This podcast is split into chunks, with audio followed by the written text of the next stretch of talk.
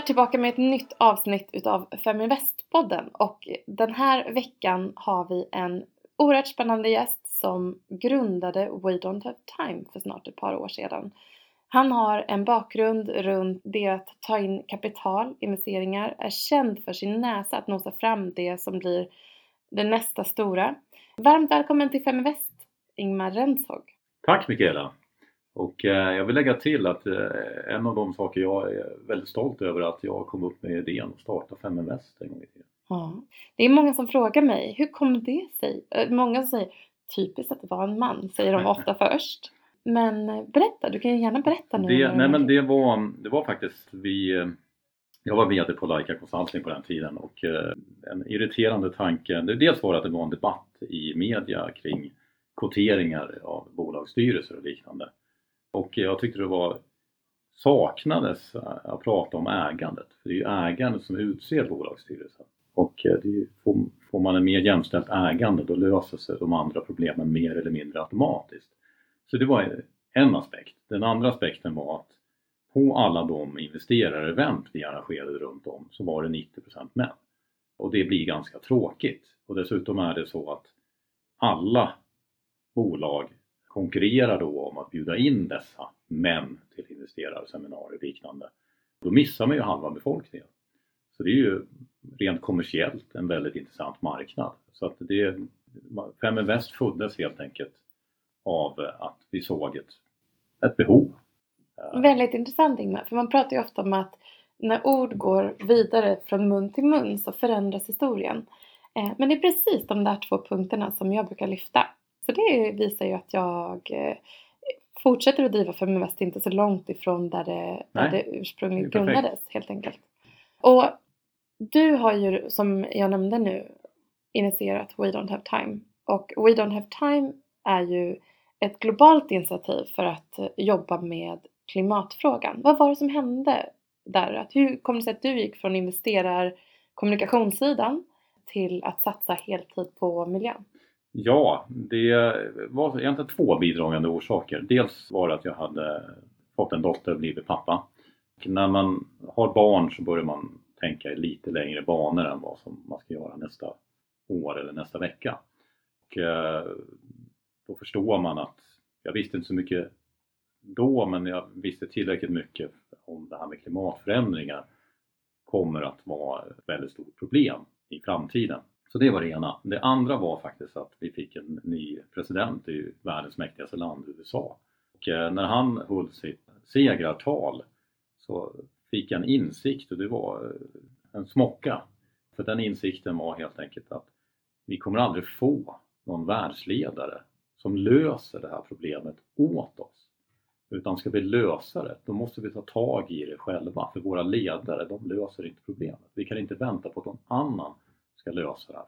Där och då föddes idén om att göra någonting åt saken och bygga en global plattform där man kan mobilisera då alla som vill vara del av lösningen. Hur många har eh, blivit en del utav We Don't Have Time på de här ett, ett och ett halvt, två åren? Vi är drygt 700 000 medlemmar och följare idag och eh, vi är, så att säga, verkar internationellt och det gjorde vi redan från, från dag ett för att ska vi lyckas få saker att hända i tid då måste vi gå globalt direkt. Eh, så att en av de första grejerna vi gjorde när vi lanserade det här, vår organisation till världen, det var att vi arrangerade en global klimatkonferens utan att någon flög. Och det har aldrig gjort tidigare i, i den storleken. Så att eh, vi lyckades få talare från hela världen, olika kontinenter att koppla upp sig live och prata inför publiken över internet. Den här konferensen blev en eh, riktigt startskott där vi blev tagen på allvar och eh, folk började prata om oss på väldigt hög nivå som en ny aktör som använder teknik för att få ut budskap. Det finns ju en, det finns ju olika perspektiv på det här. Vi har ju liksom den ångestladdade på något sätt som inte vet vad man ska göra med sin, sin ångest runt klimatet. Och sen så har vi ju faktisk information och fakta också från, eh, från ett nätverk av forskare och så vidare. Som, hur tillmötes går ni de här olika grupperna? Alltså egentligen oavsett vem man är, eh, om man är så att säga, akademiker, forskare eller om man är en helt vanlig person som jobbar med någonting annat. När man får insikten om vad klimatkrisen innebär, då blir man deprimerad. Jag, jag känner inte en enda som inte har gått igenom det stadiet. När man verkligen förstår vad som händer. Vi står inför ett existentiellt hot som är, hotar i princip hela mänskliga civilisationen under vår och våra barns livstid. Det här, är, det här är inte ett problem bland alla andra. Det här är ett problem som vi måste lösa. Men man kan inte fastna i den här depressionen. Det är, det är, det är inte konstruktivt utan vägen ut och vägen framåt det är att man mår bättre om man gör någonting. Och alla kan göra någonting i det lilla. Och gör vi någonting litet tillsammans med andra, då gör vi någonting stort. Så vår insikt det är att alla som har förstått klimatkrisens innebörd, de vill vara del av lösningen. Och eh, det vi då erbjuder med vårt nätverk, som vi lanserade den egna teknologin tidigare i år, det är då en teknologi där man kan agera tillsammans och göra någonting aktivt. Mm. Och vad är det aktivt man kan göra? Det vi har tagit fram det är en plattform som kanske enklast beskrivs som en kombination mellan Tripadvisor och eh, Twitter. Twitter på så sätt att man kan följa andra användare och skriva och eh, dela information med likasinnade. Debattera olika lösningar etc. Eh, Tripadvisor utifrån att det man kan göra på vår plattform är att ge omdöme till företag och ledare vad de gör bra vad de gör dåligt och vad de kan göra annorlunda. Så att det är en sorts rating eller omdömes feedback-system. Och open source då egentligen? Ja, precis. Poängen är att eh, om jag ger dig ett omdöme då, är, då bryr inte du om det omdömet särskilt mycket. Men om jag går samman med 500 andra och ger dig om det omdömet, då kommer du bry dig om det omdömet. Så att man går samman helt enkelt många och håller med om olika omdömen. Och är man många människor som står bakom, då blir det en tyngd bakom det. Och det som är så häftigt är att eh, trots att vi är relativt nya så har vi sett att vår metodik fungerar.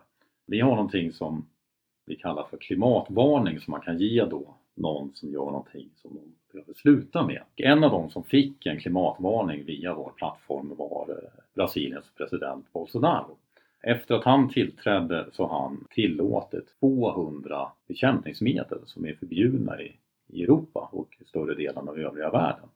Och det här var då en användare på vår plattform som gjorde en kampanj mot då Bolsonaro som blev viral på internet och det tvingade Brasiliens ambassad att svara.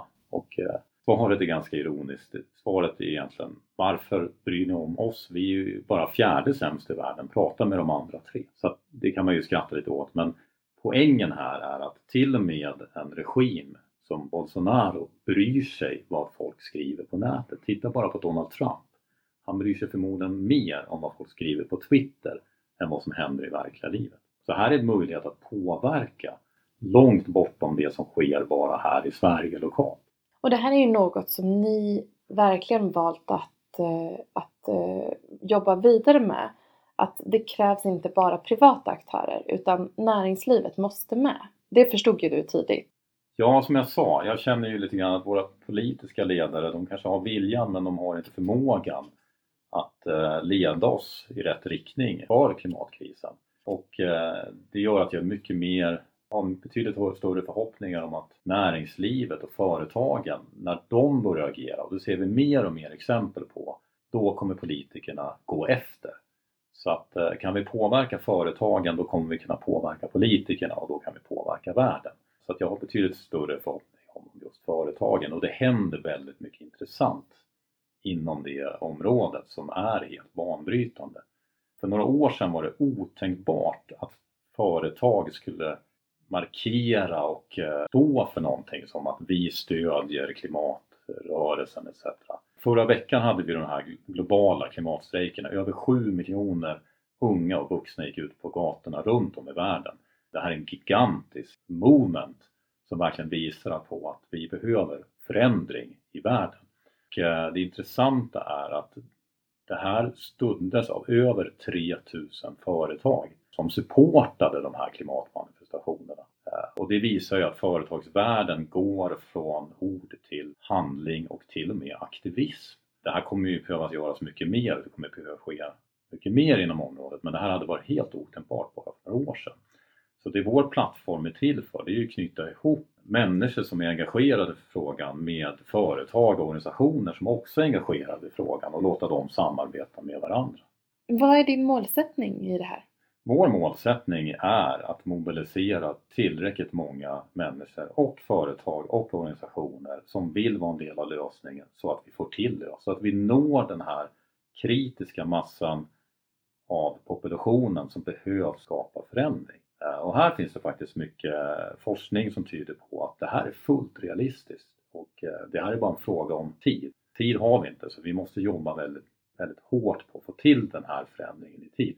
Men det jag menar är att alla gånger det har blivit samhällsförändringar tidigare så har det alltid börjat med en liten mängd individer som har tillräckligt starkt engagemang för att få till förändringen. Jag kan dra en parallell som är ganska relevant i det här sammanhanget.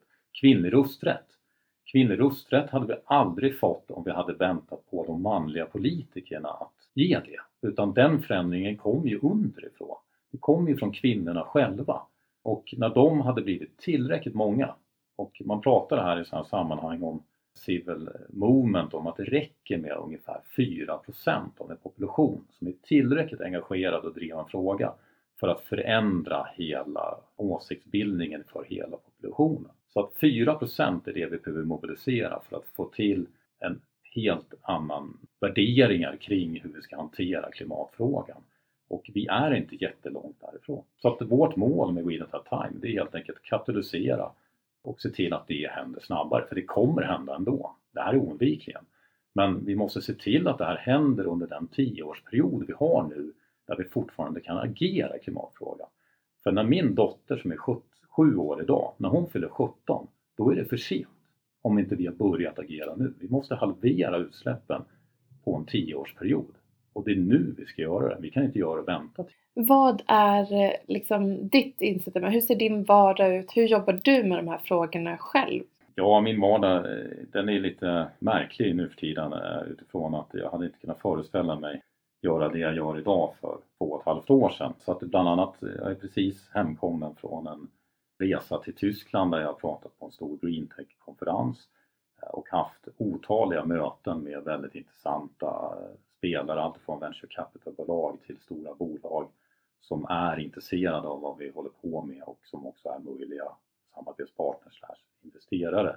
Bara för att nämna hur vardagen kan bete sig. Vi, vi, vi jobbar ju globalt så att eh, när jag var i Berlin så började jag märka att det fullkomligt exploderade eh, trafik där då folk på nätet pratar om mig Eh, jag gick in och tittade på Twitter, det skrevs minst en tweet i minuten där jag nämndes. Diverse konstiga konspirationsteorier som kopplar ihop mig med George Soros. Det, det finns väldigt mycket konspirationsteorier om människor som inte gillar det man gör när man jobbar för klimatfrågan.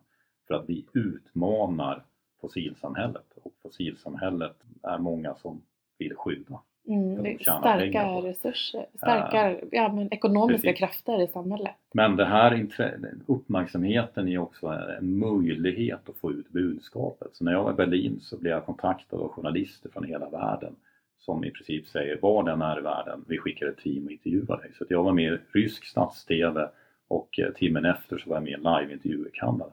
Så att det finns ett enormt uppmärksamhet kring den här frågan vilket är glädjande såklart men också en utmaning för det tar väldigt mycket tid och energi åt att vara tillgänglig och svara på det. Man måste uppleva att det ändå är ett stort slukhål för det är liksom du själv kan ju väl konkret, du måste ju verkligen hela tiden mobilisera väldigt många andra. Ja precis, så att vi kan ju liksom inte tacka nej men samtidigt så måste vi sålla för att eh, mitt jobb måste ju också handla om att bygga en organisation och ett företag. Hur ser affärsmodellen ut då?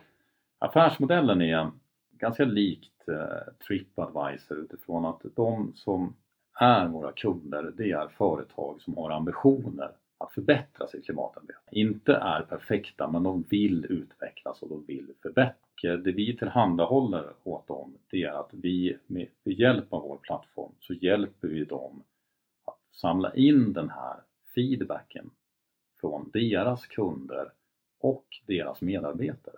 Hur kan de bli bättre?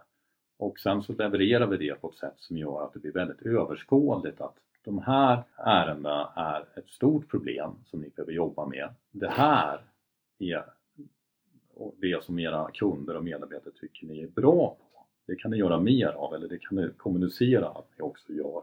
Så kommer fler tycka det är bra. Så att hjälpa våra kunder att engagera sina, sina kunder och medarbetare för att vässa hur de blir bättre. Precis som Tripadvisor, om du bor på ett hotell som har ambitioner att leverera service utöver det vanliga då är det mer regel än undantag att när du ska checka ut så står det en skylt Ge oss ett omdöme i Tripadvisor. På samma sätt, ge oss ett omdöme om vårt klimatarbete i We Don't Have Time. Och våra kunder är då de företag som har ambitionen att bättra sig. Och de företagen blir fler och fler. Och eh, det är nämligen så att redan nu är det svårt att konkurrera och rekrytera och behålla duktiga medarbetare om du inte har ett hållbarhetsarbete som innebär att du gör saker på riktigt. Så är det Kraven förändras. Även på de stora bolagen kommer de att förändras. Vi har precis ett eh, klimatmöte bakom oss där man ändå ser att det blir ganska tydligt att det finns ett etablissemang och en, en, en liksom differens mellan eh, även stora aktörer som vill vara med och påverka men som ändå inte riktigt liksom vet för att alla ska med. Vad tänker du om det? Ja, alltså det, vi ser ju att det sker Samhället håller på att förändras i grunden och när det gäller näringslivet så är det en jätteomställning och då pratar jag inte bara om omställningen att vi behöver så att säga, bli fossilfria utan även värderingsomställningen där det tidigare har varit att vara som är så lönsam som möjligt, leverera de högsta lönerna, attrahera de bästa talangerna. Det har varit ganska enkelspåret och enkelt att förstå sig på. Men det här fungerar inte längre. Det är inte oviktigt med lönsamhet, det är inte oviktigt med attraktiva lönevillkor. Men om man inte är en arbetsgivare som erbjuder sin verksamhet jobbar för ett kås, då kommer man inte kunna vara marknadsledande. Då kommer man inte kunna vara mest lönsam Då kommer man inte få medarbetarna. Eh, och det här är på väg att förändra hur, hur man bedriver företag. Eh, och det sker väldigt snabbt och följer man inte med den här utvecklingen då kan man hamna väldigt fel. Men man måste också ha ödmjukhet att våga göra saker. Ingen är perfekt. Och här finns det idag en jättestort problem. Eh, och det är att klimatrörelsen generellt har och är väldigt duktig på att säga vad du gör som är dåligt. Sluta släppa ut, sluta flyg, sluta äta kött. Du har hört de argumenten tidigare. Det behövs. Men det är minst lika viktigt att vi också säger vad vi ska göra istället och ge berömmen. Så att de som tar stegen får positiv feedback tillbaks. Ingen är perfekt, men alla kan göra något och det gäller såväl företag som privatpersoner. Och där spelar vår plattform en roll som inte riktigt finns inom den här rörelsen. Vi vill också sätta fingret på och lyfta alla bra initiativ som görs så att vi får en tävling i att göra rätt, inte en tävling i att inte göra fel. När man då ser på de bolagen som har fått feedback via, för du nämnde ju till exempel den här äh, aktivismen i förhållande till politiska beslut som i Brasilien. Eh, men när det kommer till bolag då som har fått feedback, har du något exempel där på någon som har jobbat med, vidare med, sin, mm, liksom, med sitt sätt att agera utifrån den feedback de fått? Det finns en massa bolag som gör intressanta eh, åtgärder. Vi, vår plattform har ju vi lanserat väldigt nyligen. Där kan ju våra medlemmar ge omdöme till, vi har en databas med över 60 miljoner bolag. Så det är egentligen alla bolag. Eh, det vi kommer att använda pengarna i den crowdfundingrunda vi har nu, det är att vi kommer att utveckla tjänster där vi kan sälja det här som en tjänst till bolag som vill jobba mer aktivt med och uppmuntra sina kunder och medarbetare att få in feedbacken. Men där vi ser att våra användare ger ut klimathjärta så finns det väldigt många intressanta initiativ där ute och jag kan nämna ett par, bland annat faktiskt eh, Svenska pensionsmyndigheten. De eh, har gjort, en, eh, gjort det möjligt att sortera pensionsfonder, PPM-fonder, på om de investerar i koldioxid i ja, vapen, tobak, porr etc. Man kan sortera utifrån andra kriterier än de rena avkastningskriterierna. Och av 2000 fonder så kan man då få fram ungefär 10-20 fossilfria fonder eller lågt fossilinnehav. Eh, och det är verkligen någonting jag kan rekommendera. Det tar någon minut att gå in på Pensionsmyndigheten och ta bort fossila innehav. Och det är mycket större effekt än många andra saker man kan göra i privatlivet och kommer dessutom ge bättre pension för att det är inte fossilbranschen som framtida avkastningen finns. Det kan vara ett separat poddavsnitt. Mm. Uh, så att Pensionsmyndigheten fick då ett klimathjärta av uh, en användare på vår plattform som också har startat en, en kampanj som heter Klimatbytet för att få fler svenskar att byta. Men då vi är en internationell plattform så vill ju vi att det här inte bara ska stanna i Sverige. Så det här blev en klimathjärta till Pensionsmyndigheten och sen så tog vi också med generaldirektören på ett av våra sådana här digitala event där han då fick berätta om det här tillsammans med andra aktörer som Morningstar, hållbarhetschef i New York och så fick vi ut det här internationellt att det här är ett initiativ som en svensk myndighet har gjort i Sverige, välkommen att ta efter. Så det är precis det vi vill göra. När vi hittar bra initiativ som många gillar på vår plattform, då lyfter vi upp det och sen för vi ut det i världen. Och eh, vi har fått ut väldigt många initiativ till en internationell publik så att vi katalyserar den här utvecklingen och vi vill gärna fokusera inte bara på aktivister som gör saker utan också på de som gör lösningar.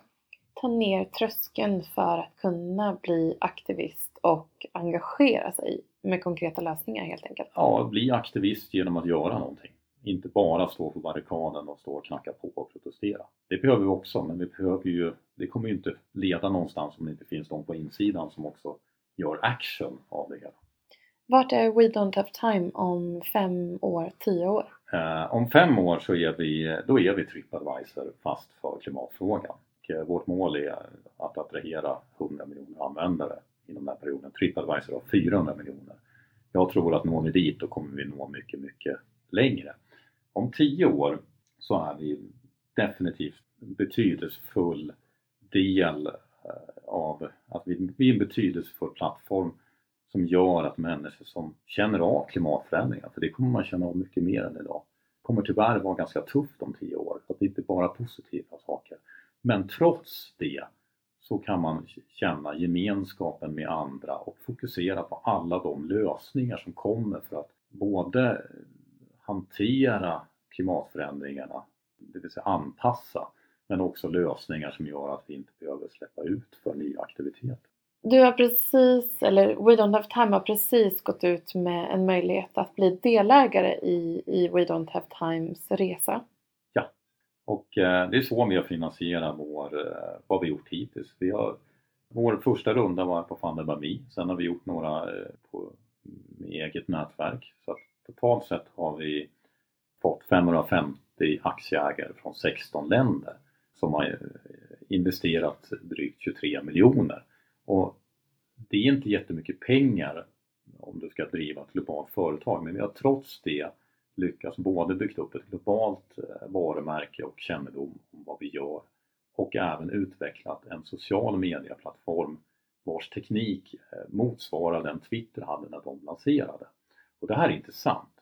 Eh, för att anledningen till att vi har lyckats kommit så långt med ganska lite medel ändå, det är att vi jobbar med ett KAS och eh, förmodligen världens viktigaste KAS eh, när det kommer till att hejda klimatförändringarna. Och då vill man hjälpa till. Eh, och man jobbar dessutom mycket hårdare och mer motiverat. Eh, och det gör att vi har lyckats skapa väldigt mycket med ganska små resurser eh, och kommit väldigt lång bit på vägen.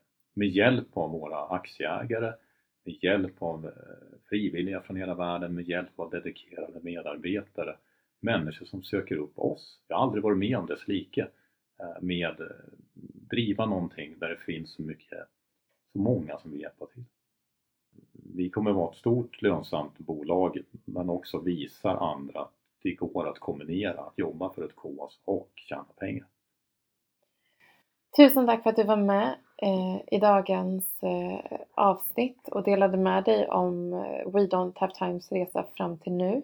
Vad ni har möjliggjort tillsammans med era delägare och vad ni har för ambition framåt. För den som är intresserad så är det bara att gå in på www.fundedbyme, F-U-N-D-E-D-B-Y-M-E.com slash we don't have time så kommer man till kampanjen som öppnas idag. Tack för att du var med Ingmar. Tack! Och eh, får jag lägga till en sak? Eh, vi har inte tid att vänta men eh, vi löser det här tillsammans och du kan vara en del av lösningen. Följ Feminvest på våra kanaler Facebook, Instagram, Youtube. Varje vecka så kommer vi även ut med en podd och du kan ju självklart även följa nyheterna som publiceras på feminvest.nu. Det är bara att söka på Feminvest på samtliga kanaler så hittar du till oss.